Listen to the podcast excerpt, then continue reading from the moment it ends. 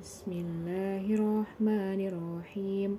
إذا زلزلت الأرض زلزالها وأخرجت الأرض أثقالها وقال الإنسان ما لها يومئذ تحدث أخبارها بأن ربك أوحى لها يومئذ يصدر الناس أشتاتا ليروا